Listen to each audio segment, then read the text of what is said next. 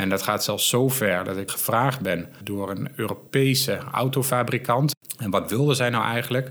Zij willen op basis van het rijgedrag van mensen uh, voorspellen in hoeverre zij dementie hebben. Vilans ontmoet met Isa Govaerts. Henk Herman Nap is e-health expert bij Vilans. Hij is gepromoveerd in de gerontechnologie aan de TU Eindhoven. Hij coördineert nu nationale en internationale ontwikkeltrajecten van e-health. Henk Herman heeft als doel digitale transformatie in de langdurige zorg te versnellen. Welkom Henk Herman, fijn dat je er bent bij de podcast Finans ontmoet in deze serie over digitale transformatie. Um, je gaat ons straks van alles vertellen over de stand van zaken van slimme technologie in binnen- en buitenland. Maar we beginnen altijd met de vraag: um, wanneer was je zelf voor het laatst patiënt? Ja, dat is eigenlijk nog best wel kort geleden. Uh, dat was in december vorig jaar. Ik heb mijn hele leven een uh, scheef uh, tussenstuk gehad in mijn neus. En uh, uiteindelijk uh, advies gekregen van nou ga dat maar een keer corrigeren. Dus ik heb met een duur woord een septencorrectie gehad. Uh, en nu kan ik een stuk beter ademhalen door links en rechts. Dus dat is heel prettig. maar waar heb je dat gedaan? Moest je echt naar het ziekenhuis? Ja, ik moest ook onder narcose. Dat was oh. maar heel officieel. Ja, ja. En hoe lang heb je daar last van gehad? Of was het erin en eruit? drie weken heb je daar last van. Oh, ja, ja. dat is best fors. Ja, ja, met, met nabloedingen en dat soort zaken. Oh, echt? Ja, ja, ja. ja. Maar, maar nu is het helemaal netjes, helemaal prettig. Ik, ik kan goed ademhalen, dus uh, ja. En nu, nu, had je gedacht van waarom heb je het niet eerder gedaan? Ja, ja, eigenlijk wilde ik het doen toen ik 15 was, maar uh, ik vond het niet zo heel cool staan natuurlijk. Want je krijgt natuurlijk ook een beetje wat verband hier en zo. Dus ik heb gewacht tot mijn uh, 40ste. Ja. want dan maakt het niet uit of je cool precies, bent. Precies, precies. Henk Herman, in 2004 ben je begonnen met jouw promotie op gerontechnologie. Toen was je dus ongeveer 24. Wist je toen al dat je met ouderen aan de slag wilde? Nou, eigenlijk wist ik dat al vanaf de lagere school. Um, ik had altijd een, uh, een, bezoekje elke week bij uh, mevrouw Bos in het uh. Dat was geen familielid, waren ook geen vrienden of zo, ook niet van mijn ouders. Maar goed, mijn vader kende haar in het bejaardencentrum. En ze hadden zoiets van, nou, ze zou het zo leuk vinden als jij wel eens bij haar op bezoek gaat. Nou, ik heb dat eigenlijk vanaf mijn vijfde, zesde levensjaar gedaan, zelfs tot mijn puberteit. Uh, dat ik wekelijks bij haar langskwam om een uurtje daar te zitten en te luisteren naar haar verhalen. En dan kreeg ik vaak een pippenmuntje of een glaasje ranja. Zelfs toen ik 14, 15 was, kreeg ik nog steeds hetzelfde pippenmuntje en een glaasje ranja.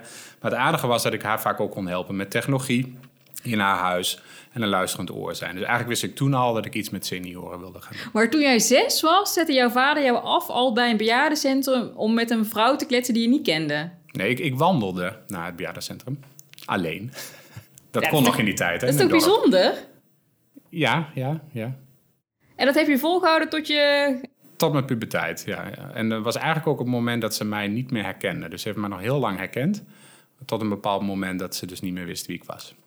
En die mevrouw Bos, die had ook kinderen? Of... Nee, had geen kinderen. Was een alleenstaande vrouw, ook nooit getrouwd geweest. En die keek altijd uit naar het moment dat ik weer, uh, weer langskwam. Oh, wat bijzonder dat je dan zo vroeg al weet dat je iets met ouderen wil gaan doen. Ja, nou, voor, voor, mij is dat helemaal niet bijzonder. Dat is, dat is onderdeel van het leven. Dit is Vilans Ontmoet met e-health-expert Henk Herman Nap. Henk Herman, uh, pre-corona was het idee nog dat het zorgveld te traag zou zijn met omhelzen van slimme zorgtechnologie. Wat denk je dat er uh, de afgelopen tijd is gebeurd? Nou, je ziet nu wel een enorme stroomversnelling eigenlijk in, in uh, de, de uptake van, van zorgtechnologie. Uh, we zien natuurlijk het beeldbellen, heeft een enorme vaart gekregen eigenlijk in deze coronatijd. Ehm, maar ook wel wat andere technologieën en innovaties. maar ook bijvoorbeeld het samenwerken, het online samenwerken via Teams. En wat we eerder zagen bij zorgaanbieders is dat nou, misschien zo'n zo, zo 30% van de zorgprofessionals bezig was met zorgtechnologie en beeldbellen. En je ziet eigenlijk dat het nu wel naar zo'n 70% is gegaan. Oké, okay, dat is wel fors. Ja. En wat denk je nou dat het meeste meerwaarde heeft gehad? Kun je dat al zeggen? Ja, ik wil eigenlijk nog iets anders zeggen. Ja, dat mag allemaal. nee, ik, ik, wil er nog heel even op uh, aan, aan, toevoegen... is dat eigenlijk staat ook alle innovatie stil tijdens corona. Dus wat je hebt gezien nu is dat alle innovatietrajecten... waarmee, waarmee wij bezig zijn gegaan... Uh, voor corona, dus bijvoorbeeld uh, intramuraal in de verpleeghuizen... Dat tijdens corona zag je dat ehm, die innovatietrajecten stil moesten worden gelegd. implementatie werd heel erg lastig. Dus aan de ene kant zie je dat bijvoorbeeld het beeldbellen en het online werken, het samenwerken en de stroomversnelling heeft gekregen. Zie je ook dat veel innovaties stil hebben gelegen. Maar innovatie is toch ook dingen uitproberen? Ja, zeker, zeker. Dat is toch wel heel goed opgepakt? Dat is heel goed opgepakt, ja. En als je zeg maar naar die dingen kijkt, wat heeft dan volgens jou het meeste meerwaarde gehad voor zo'n uh, in het zorgproces? Ehm, nou goed, kijk, door corona zie je dus nu dat er eigenlijk een soort van noodzaak en schaarste is ontstaan. Um, waardoor dus echt het beeldbellen nu een enorme uh, boost heeft gekregen. Um, en dat heeft natuurlijk ook allerlei voordelen. Je ziet bijvoorbeeld dat dankzij het beeldbellen je hebt minder reistijd, uh, kostenbesparingen. Um, uh, je, kunt, je kunt soms ook, de, patiënten geven dat ook wel aan en cliënten geven dat ook aan, dat je toch soms ook wat anoniemer kan zijn. Ze hoeven zelf ook niet te reizen, dus dat, dat, dat heeft zeker zijn voordelen. Um, en natuurlijk met het naaste- en mantelzorgcontact, hè, wat je natuurlijk nu in de verpleeghuizen uh, het aan ontbrak, zag je dat het met uh, het beeldbellen toch voor een deel opgepakt kon worden. Dus als je daar dan punten uithaalt, zijn het vooral urgentie die nu heel duidelijk is gebleken?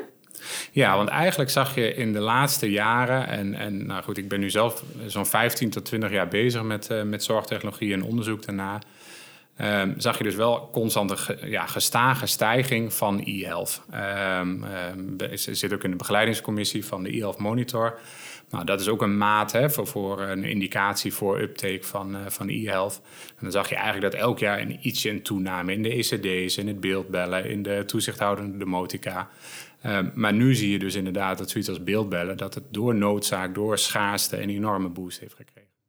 Ja, onder druk wordt alles vloeibaar. Wat denk je nu straks? Um, wat zijn we nu in die haast? Wat, wat zijn we vergeten en moeten straks extra aandacht krijgen? Nou, wat wij vanuit uh, de zorgaanbieders horen, maar ook vanuit de mantelzorgers, maar ook vanuit naasten, uh, de, de cliënten, is, is toch het stukje intimiteit en nabijheid. Um, dus beeldbellen is natuurlijk leuk. Het is mooi dat je even contact kan hebben met iemand. Uh, maar die intimiteit en die nabijheid die je voelt als je bij elkaar bent en elkaar een knuffel kan geven, dat ontbreekt nu. Um, nu is er wel een onderzoeksveld die is eigenlijk al zo'n 20, 30 jaar bezig om uh, zaken als nabijheid en intimiteit te vergroten, gemedieerd over bijvoorbeeld het internet. Uh, je ziet het binnen de gerontechnologie, binnen de Human Technology Interaction. Um, hele mooie voorbeelden qua VR en haptische pakken en geur en smaak toevoegen, et cetera. Haptische pakken, wat moet ik daarbij voorstellen? Uh, dat zijn pakken waar trilmotoren in zitten. Uh, waardoor je een soort van ja, haptische feedback kan krijgen, uh, druk of trilling, of zelfs een streling bijvoorbeeld. En dat kun je dus uh, gaan simuleren. en iemand aan de andere kant van de lijn, zeg maar, die zou bijvoorbeeld een streling of een omarming kunnen geven. En jij voelt dat dan ook. Oh, en is dat in Nederland al getest? Nou, uh, dergelijke producten die, die, die zitten nog wel heel erg in, in het onderzoeksveld. Uh, maar de effectiviteit is wel bewezen. Dus mensen ervaren dan ook een streling. Um, maar eigenlijk is het ook een beetje een oproep naar het veld. Van goed, als je dan ziet dat beeldbellen al zo'n 30 jaar bestaat... en dat je dan ziet dat het nu een boost krijgt... Is het toch wel een beetje een gemiste kans dat heel veel technologieën... die ook al wel zo'n 20 jaar in ontwikkeling zijn... en dat we die nog helemaal niet gaan toepassen. Maar zeg je nu, die haptische pakken, die zouden juist nu ingezet moeten worden? Nou, in elk geval de verkenning daarna, wat de toegevoegde waarde kan zijn. Kijk, het is natuurlijk de vraag in hoeverre senioren en ook cliënten uh, een dergelijk pak aan willen trekken. Of we, zien dat soms ook wel met VR, dat het nog wel eens lastig is, virtual reality, om dat toe te passen. Maar laten we wel verkennen wat nu de mogelijkheid kan zijn van dergelijke technologieën in, in, in een tijd van crisis. Uh, en ook vanuit Freelance zijn we ook wel bezig met een aantal aanvragen om dat te gaan verkennen dit jaar.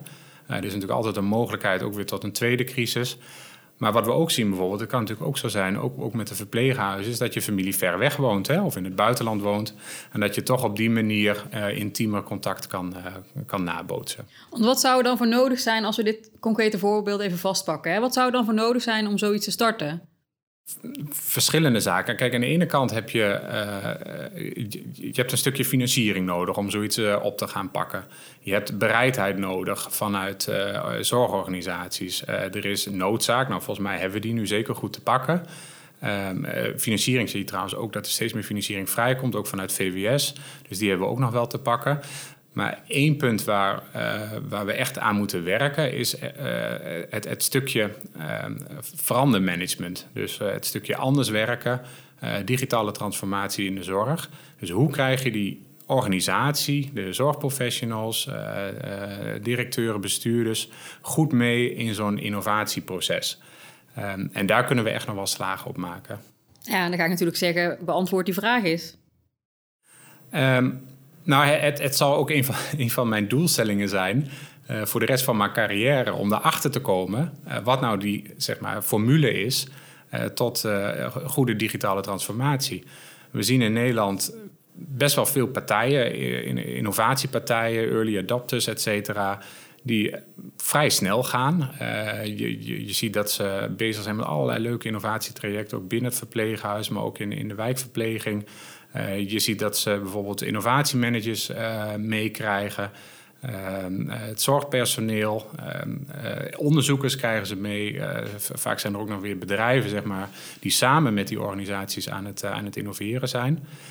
Maar waar dat hem nou precies in zit, kijk, we kunnen inderdaad zeggen van, nou goed, het is belangrijk dat de, de, de raad van bestuur meegaat. Het is belangrijk dat je de goede innovatiemanagers hebt die enthousiast zijn, die ook weer de zorgprofessionals mee kunnen nemen.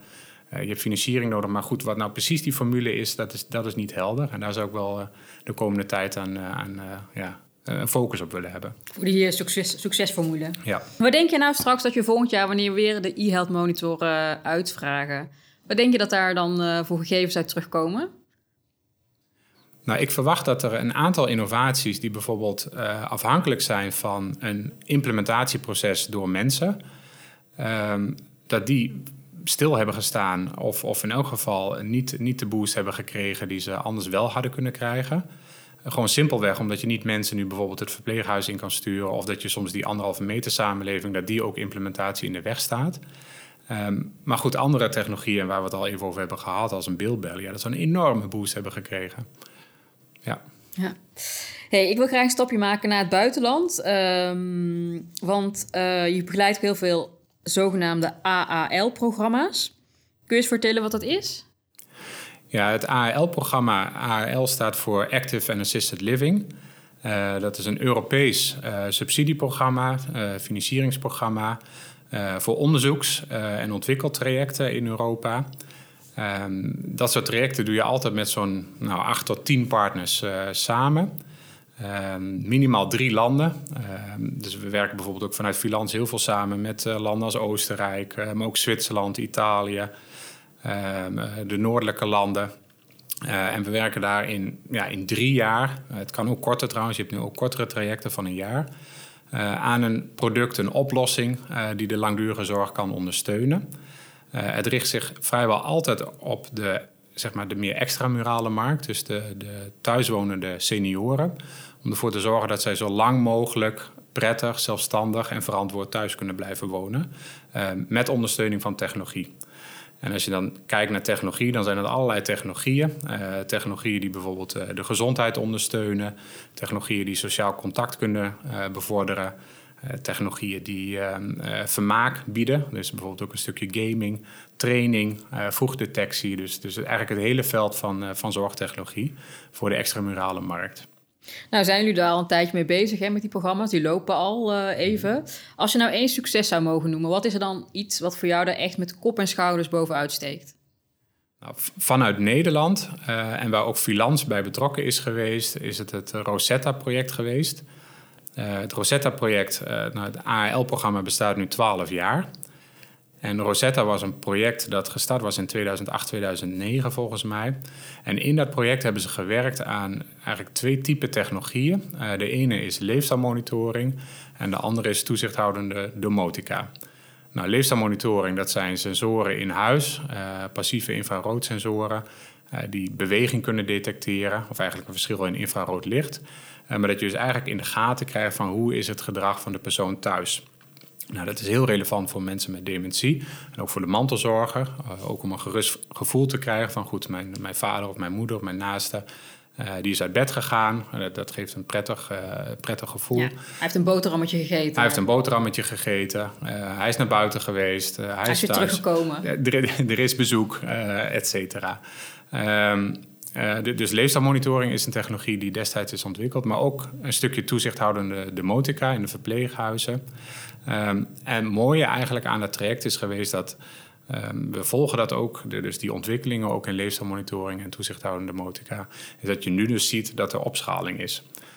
Um, dus het, het, na twaalf jaar? Na twaalf jaar en dan zitten we in Nederland in de, in de duizenden systemen. Dus dan moet je het hebben over drie tot vierduizend installaties van, uh, van deze zorgtechnologie. Maar als je kijkt naar de successen, dan is dit wel een van de grootste successen vanuit uh, het AHL-programma.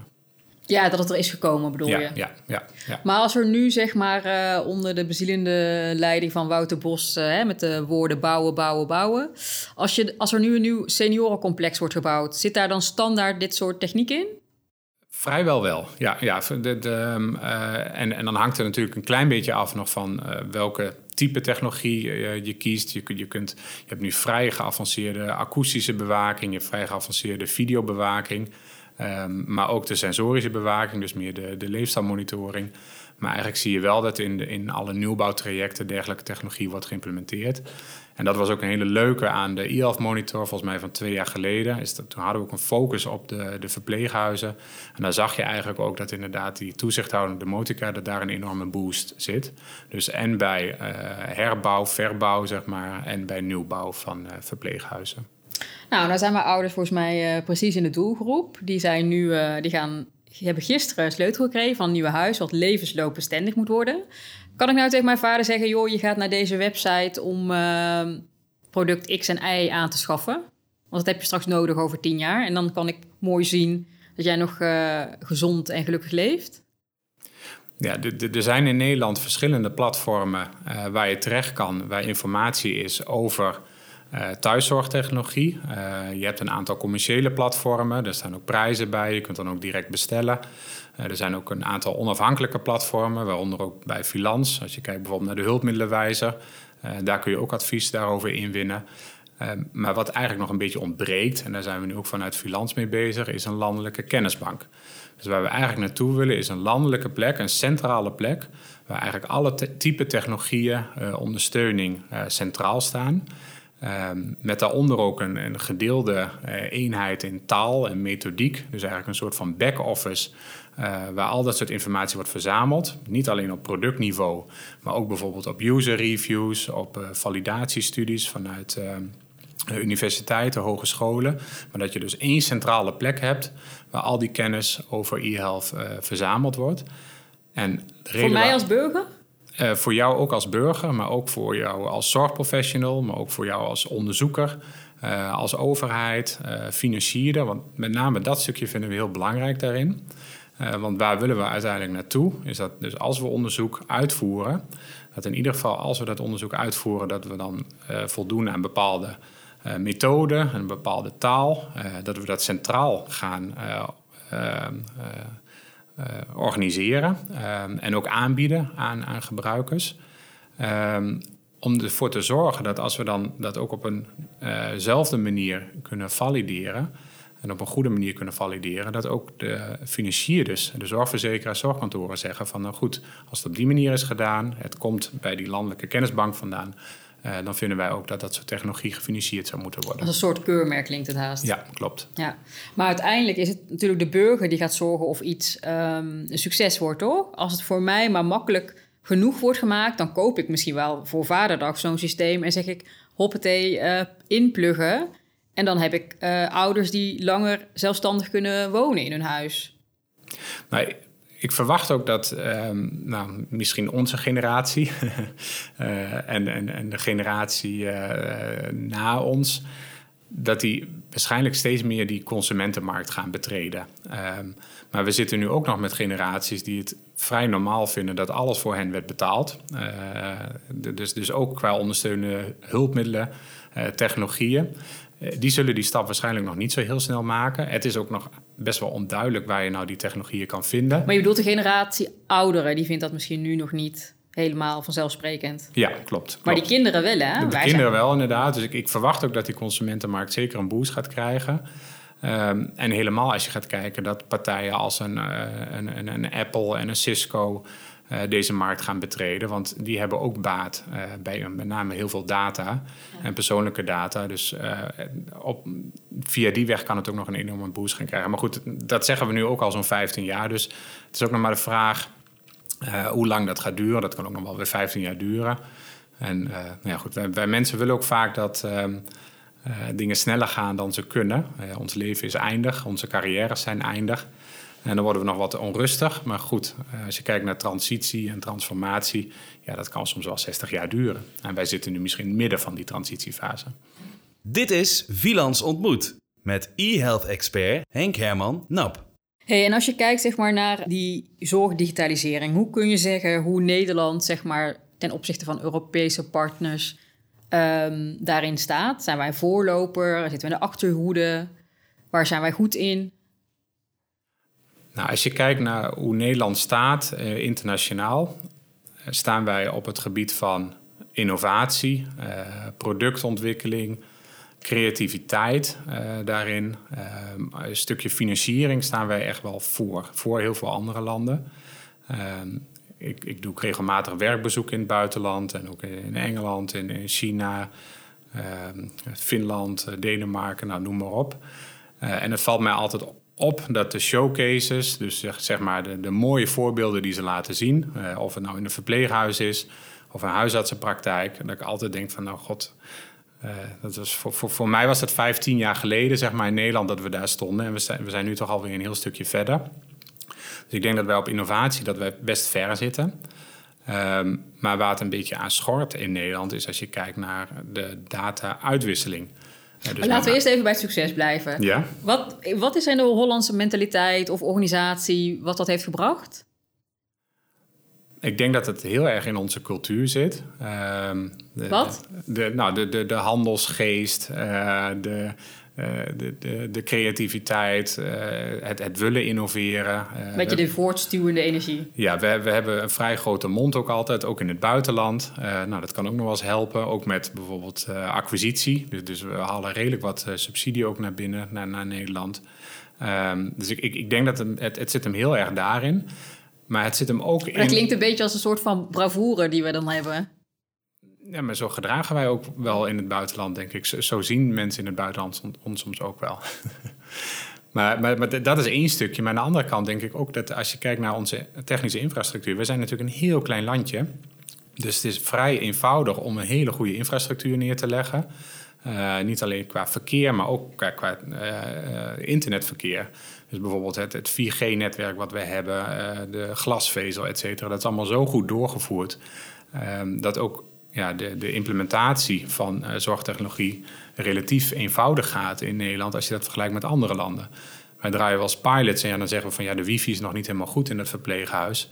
Uh, maar ik ken ook verpleeghuizen waar helemaal geen wifi is in het buitenland. Of waar ook geen 4G-bereik is. Dus, dus ook die, die technische infrastructuur in Nederland, die hebben we vrij goed voor elkaar.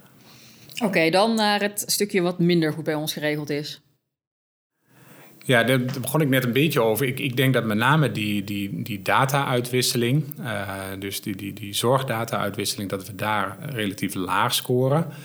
Uh, je ziet nu wel natuurlijk met uh, persoonlijke gezondheidsomgeving in de PGO's, en er wordt heel veel geld in, in gepompt ook. Ehm, dat, dat krijgt nu ook wel een boost in de komende tijd. Maar als je ook nog kijkt hoe lastig het soms is voor een huisarts om data uit te wisselen met bijvoorbeeld een ziekenhuis, of hoe lastig het is voor uh, patiënten en cliënten om toegang te hebben tot hun eigen data.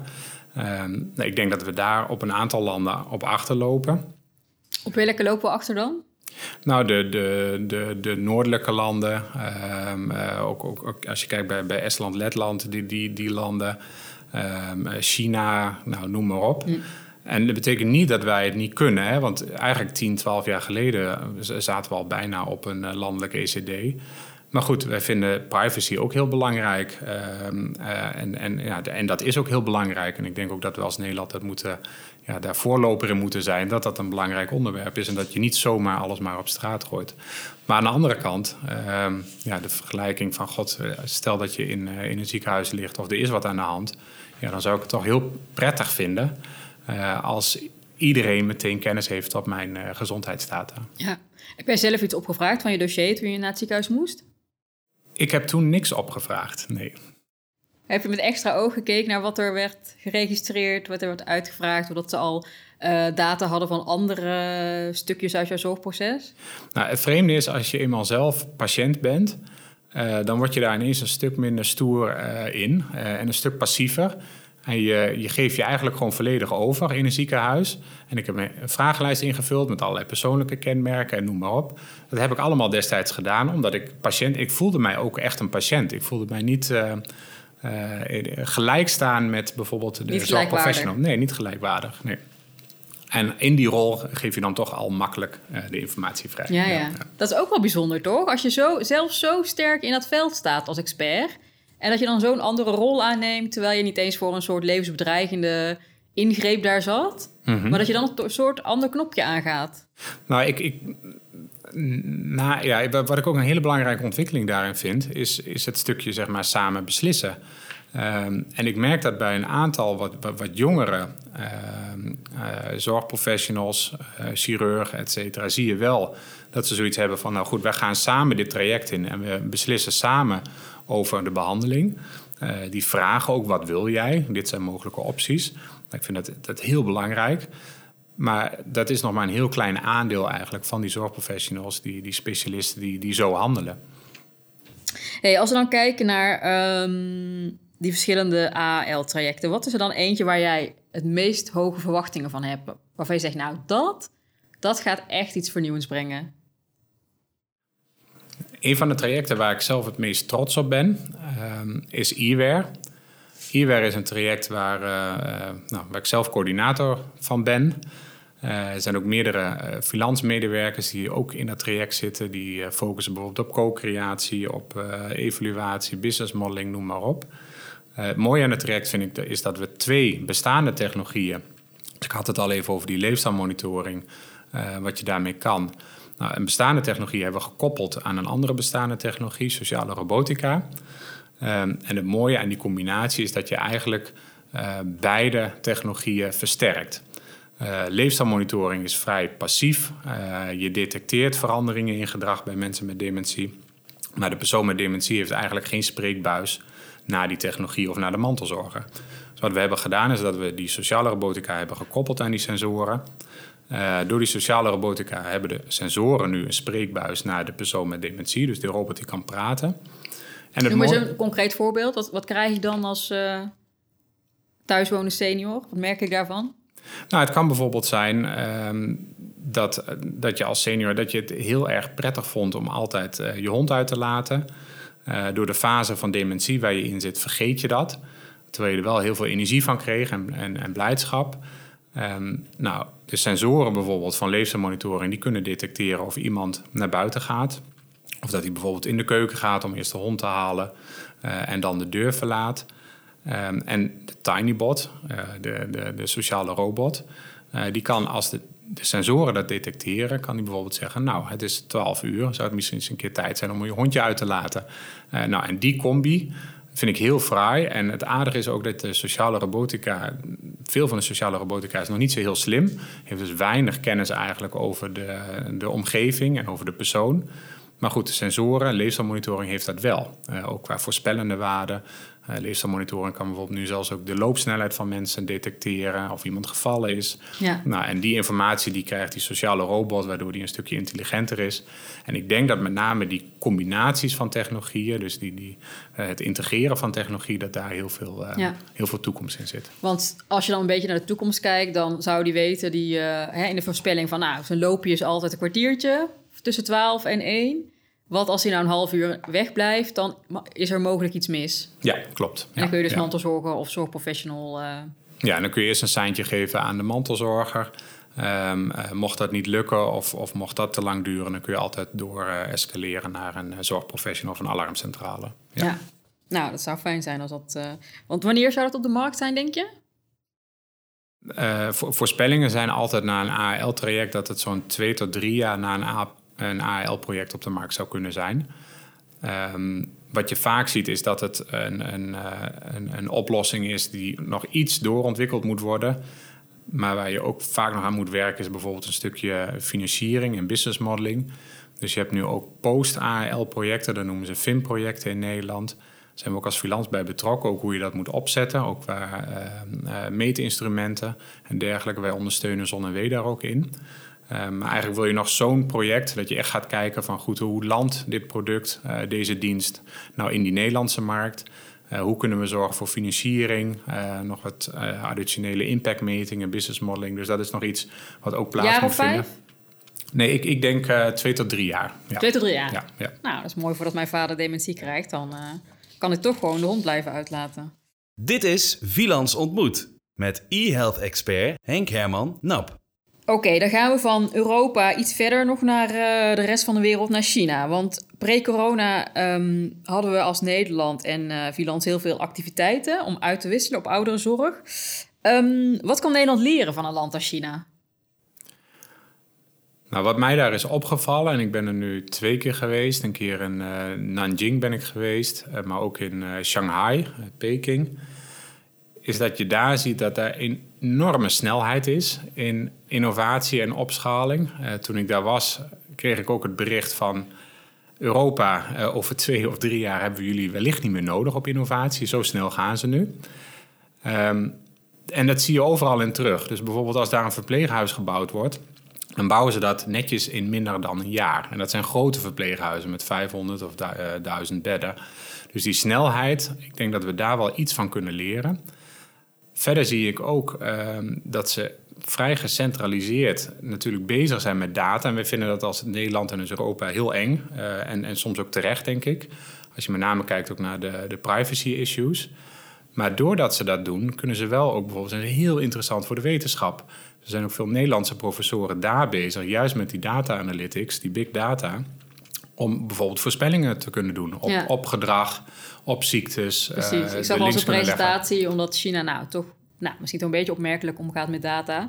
Dat ze wel kunnen zien van als jij een man bent van 45, je sport niet, je eet dat. Dan konden ze gewoon je hartaanval eh, voorspellen. En van tevoren zeggen, jij moet gewoon meer gaan hardlopen. Of nou ja, whatever, wat voor... eh, Ja, ja.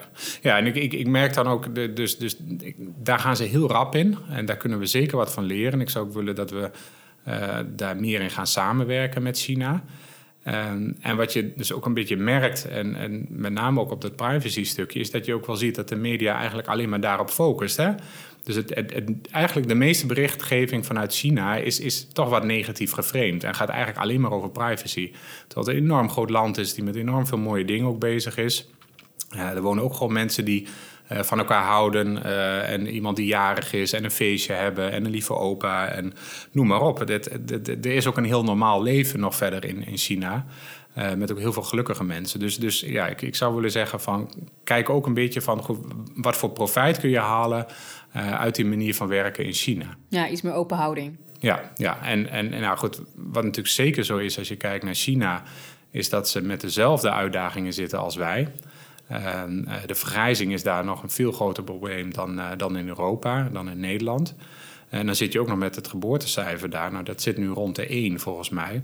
In Ne- Nederland zitten we nog rond de 1,6. Dus dat is een enorm probleem ook nog voor de toekomst in China. Dus eh, ja, als je kijkt naar de uitdagingen, eh, dan zijn ze vergelijkbaar als in Nederland. En ook daarin moeten we denk ik samenwerken. En met name ook op het stukje zorgtechnologie en digitale transformatie. En heb jij nou, zie jij nou waarom zij wel zo snel kunnen handelen? Waarom kunnen zij zo snel een goed verpleeghuis eh, regelen? Ja, dat heeft natuurlijk met het eh, gecentraliseerde bestuur te maken. Dus het is vrij makkelijk daar, eh, als er een beslissing is, om dat door te voeren. En dan heb je ook nog een keer heel veel handjes natuurlijk in de bouw. Dus, dus als je daar mensen op een bouwplaats ziet, dan zijn het er drie, vier keer zoveel als in Nederland. En die werken dag en nacht door. Dus het is 24-7 werken ze daar in de bouw. Ja. Nou goed, nu zijn we natuurlijk geen China, maar wat zou je daar dan wel van kunnen overnemen als Nederland? Want je ziet dat het werkt. En we hebben het nodig, ook in Nederland. Nou ja, kijk, ik, ik denk dat dat een hele lastige is. Het, het heeft ook een, te maken met eh, een stukje mentaliteit, hoe, wij hier alles georganiseerd hebben. eh, het langdurig overleggen, ehm, eh, verschillende partijen erbij roepen, het, het polderen. Het, we, leven gewoon in een hele andere cultuur. Maar we kunnen wel van hen leren in samenwerking. Dus we hoeven ook niet altijd wellicht de data hier te halen. Maar we kunnen wel gaan kijken. Zij hebben ook hele interessante datasets. Zij zijn ook met hele interessante zorgtechnologie bezig. Neem bijvoorbeeld pilots. Toen ik in Nanjing uh, kwam, was ik vrij trots vanuit mijn Nederlandse achtergrond uh, dat wij opgeschaald hadden met leefstijlmonitoring destijds in Friesland naar 50 of 60 systemen. Nou, we waren ook in Breda bezig. Nou, dan ging het naar de 100 implementaties. Uh, ik kwam in Nanjing en toen vertelden ze mij dat ze daar een pilot net hadden gedraaid met leefstijlmonitoring en GPS-tracking. En ze hadden dat uitgezet bij 70.000 mensen. Dat was een, een, pilot in Nanjing. Dus dat zegt iets over de schaalgrootte. Maar laten we gewoon ook daar gaan kijken. Kunnen we misschien niet daar eens samenwerken? Uh, ook qua onderzoek. Uh, een hele interessante onderzoekspopulatie natuurlijk. Ja. ja, data is een mooi bruggetje. Want nou, iedereen heeft wel door dat dat een grote invloed gaat hebben over uh, de kwaliteit van onze zorg. Maar wat noem jij nou eigenlijk een datagedreven zorgorganisatie? Nou, ten eerste wil ik wel even mededelen dat, dat, dat een datagedreven zorgorganisatie bestaat natuurlijk al uh, zo, zo lang als de, de, wellicht de klassieke oudheid. Data heeft altijd een rol gespeeld in de zorg. Uh, uh, zonder data denk ik ook geen goede diagnose. Maar wat je natuurlijk nu wel ziet, en dat is eigenlijk ja, vanaf het stukje AI in de jaren 60, 70 tot de machine learning, tot nu echt de deep learning algoritmes, is dat je ziet dat die AI veel belangrijker gaat worden in de langdurige zorg. Dus dat je ook verschillende databronnen kan gaan koppelen. Een hele grote databronnen, waardoor je inderdaad kan gaan werken aan bijvoorbeeld voorspellingen. En dus een datagedreven organisatie, ja, die maakt dus zinnig gebruik eigenlijk van de verschillende databronnen binnen de organisatie, maar ook buiten de organisatie. En gebruikt dat ook integraal in het zorgproces. En ik denk dat dat nog wel een stukje is waar we aan kunnen werken. Dus met name van hoe, hoe, hoe gaan we daar goed mee om? Uh, halen we daar betekenis uit? Zinvolle informatie eigenlijk. Um, dat dat nog wel een weg is die we te gaan hebben. Uh, met name dat inderdaad dat stukje zinvolle informatie. Want dat is nog heel lastig. Je kunt heel veel data hebben en heel veel databronnen. Uh, maar wat zegt dat nou eigenlijk over een persoon? en hoe ga je die data labelen wat dat betreft? Ja. En waar staan we nu dan? Aan het begin, denk ik. Dus als je, als je het hebt over die digitale transformatie op het gebied van ja, datagedreven zorg, dan staan we nu aan het begin. Maar dat kan wel eens exponentieel gaan lopen. En met name ook in tijden van crisis, et cetera. Dus ik denk dat we, we, staan aan het begin, maar het kan wel heel rap gaan. Oké. En als je kijkt nu hè, in, de, in de langdurende zorg, zou je een organisatie kunnen benoemen waarvan jij denkt, die, gaat daar nu echt, die zet daar echt goede stappen in?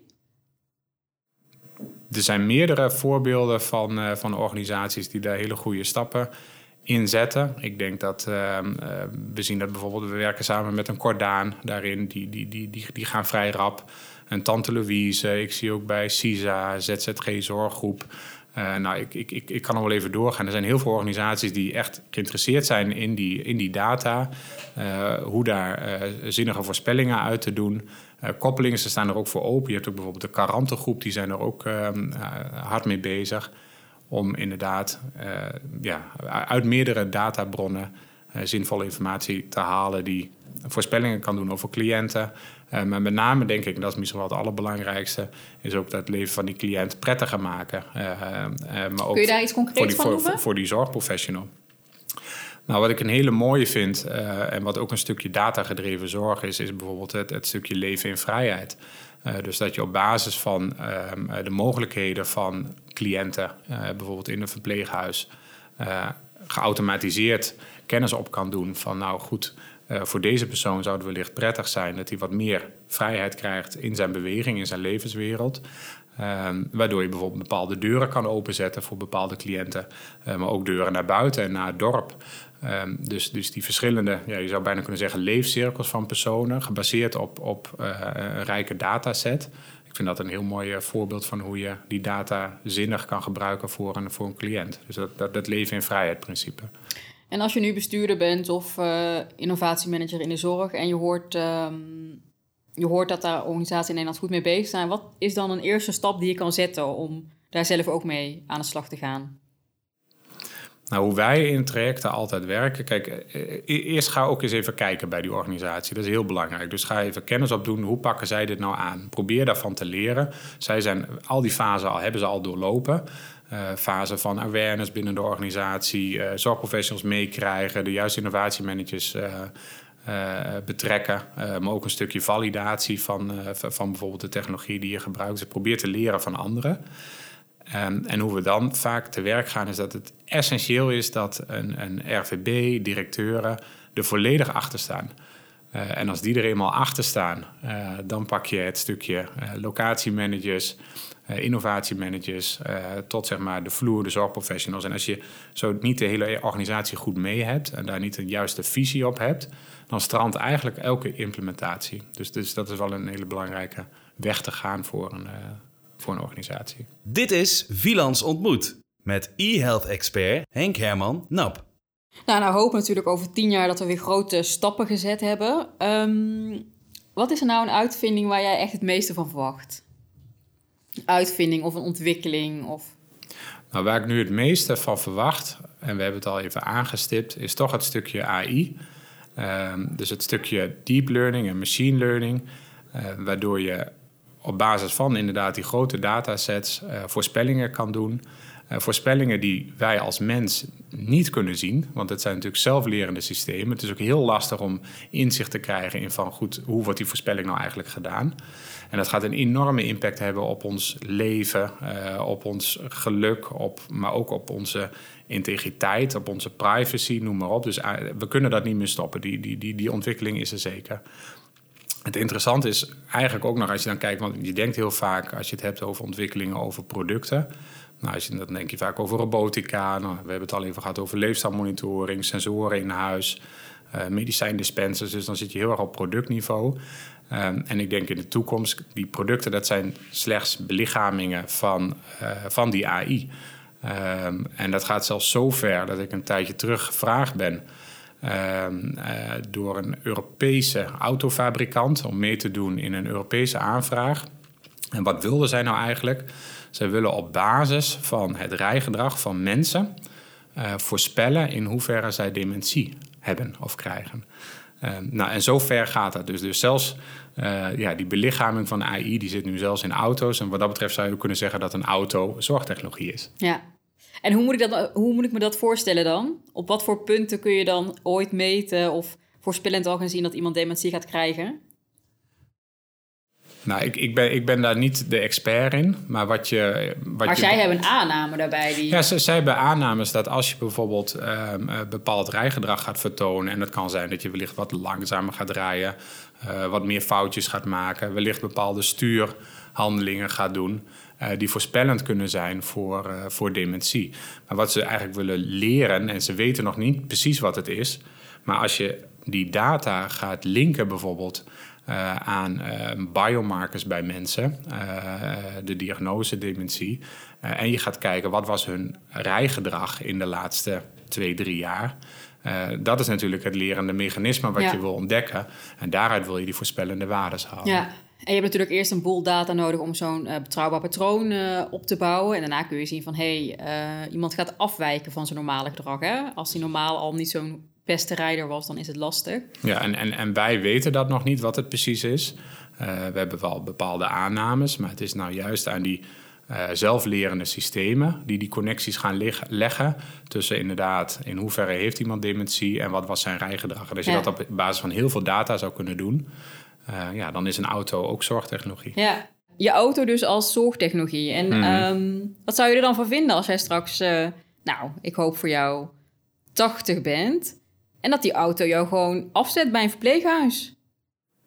Ja, dat zou in principe kunnen dan, hè, met de zelfrijdende auto's. Um, ja, kijk, aan de ene kant hoop ik dat zorgtechnologie en AI mij gaat helpen uh, in de toekomst. Dat het aanvullend zal zijn dat als ik motorische, perceptuele problemen heb, uh, uh, dat technologie ondersteunend gaat zijn.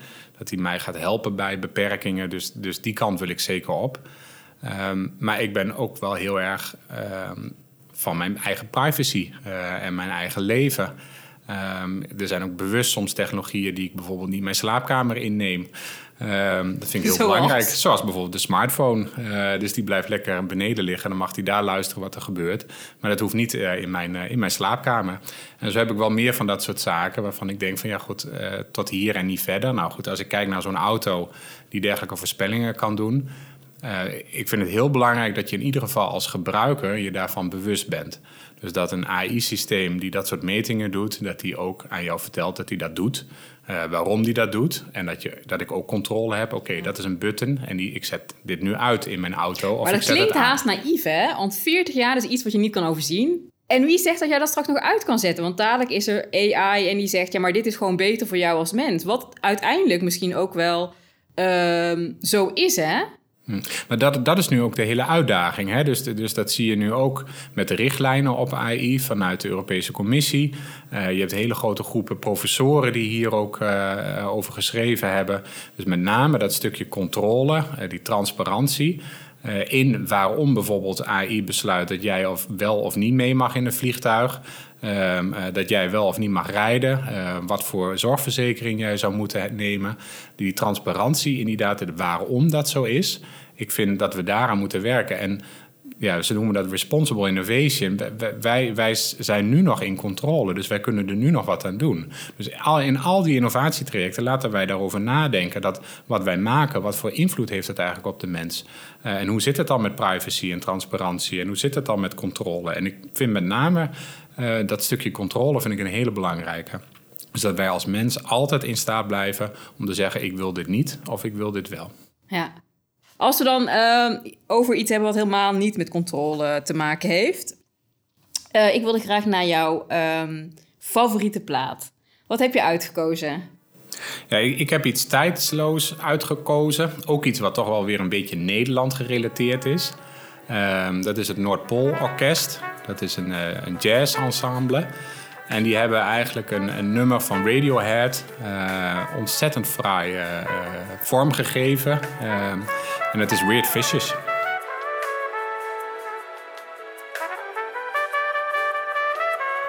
En wat voel je daarbij als je dat luistert? Ik word daar heel gelukkig van, heel blij. Uh, uh, ik vind het ook leuk dat het toch weer vrij complex is. Ik hou wel van complexe muziek, complexe materie. Uh, maar overal genomen denk ik dat het, uh, ja, het, het, het, ge het, geeft mij vreugde. nee, maar dat snap ik wel. Ik vond ook als je daarnaar luistert, het, geeft, het wordt het heel verwachtingsvol of zo. Mm -hmm. Ja, ja, ja het, het, schept hoop. En ik vind, ik vind dat in muziek vind ik dat altijd essentieel. Dat de muziek hoop geeft voor een, uh, voor een mooie toekomst. Ja, oh, wat fijn. Wat een, goed, wat een goed einde van deze podcast. Super dank voor dit gesprek. Ja, en, dankjewel. voor de luisteraars thuis ook dank voor het luisteren. En tot de volgende keer. Yep. Dit was Vilans ontmoet met Isa Govaerts.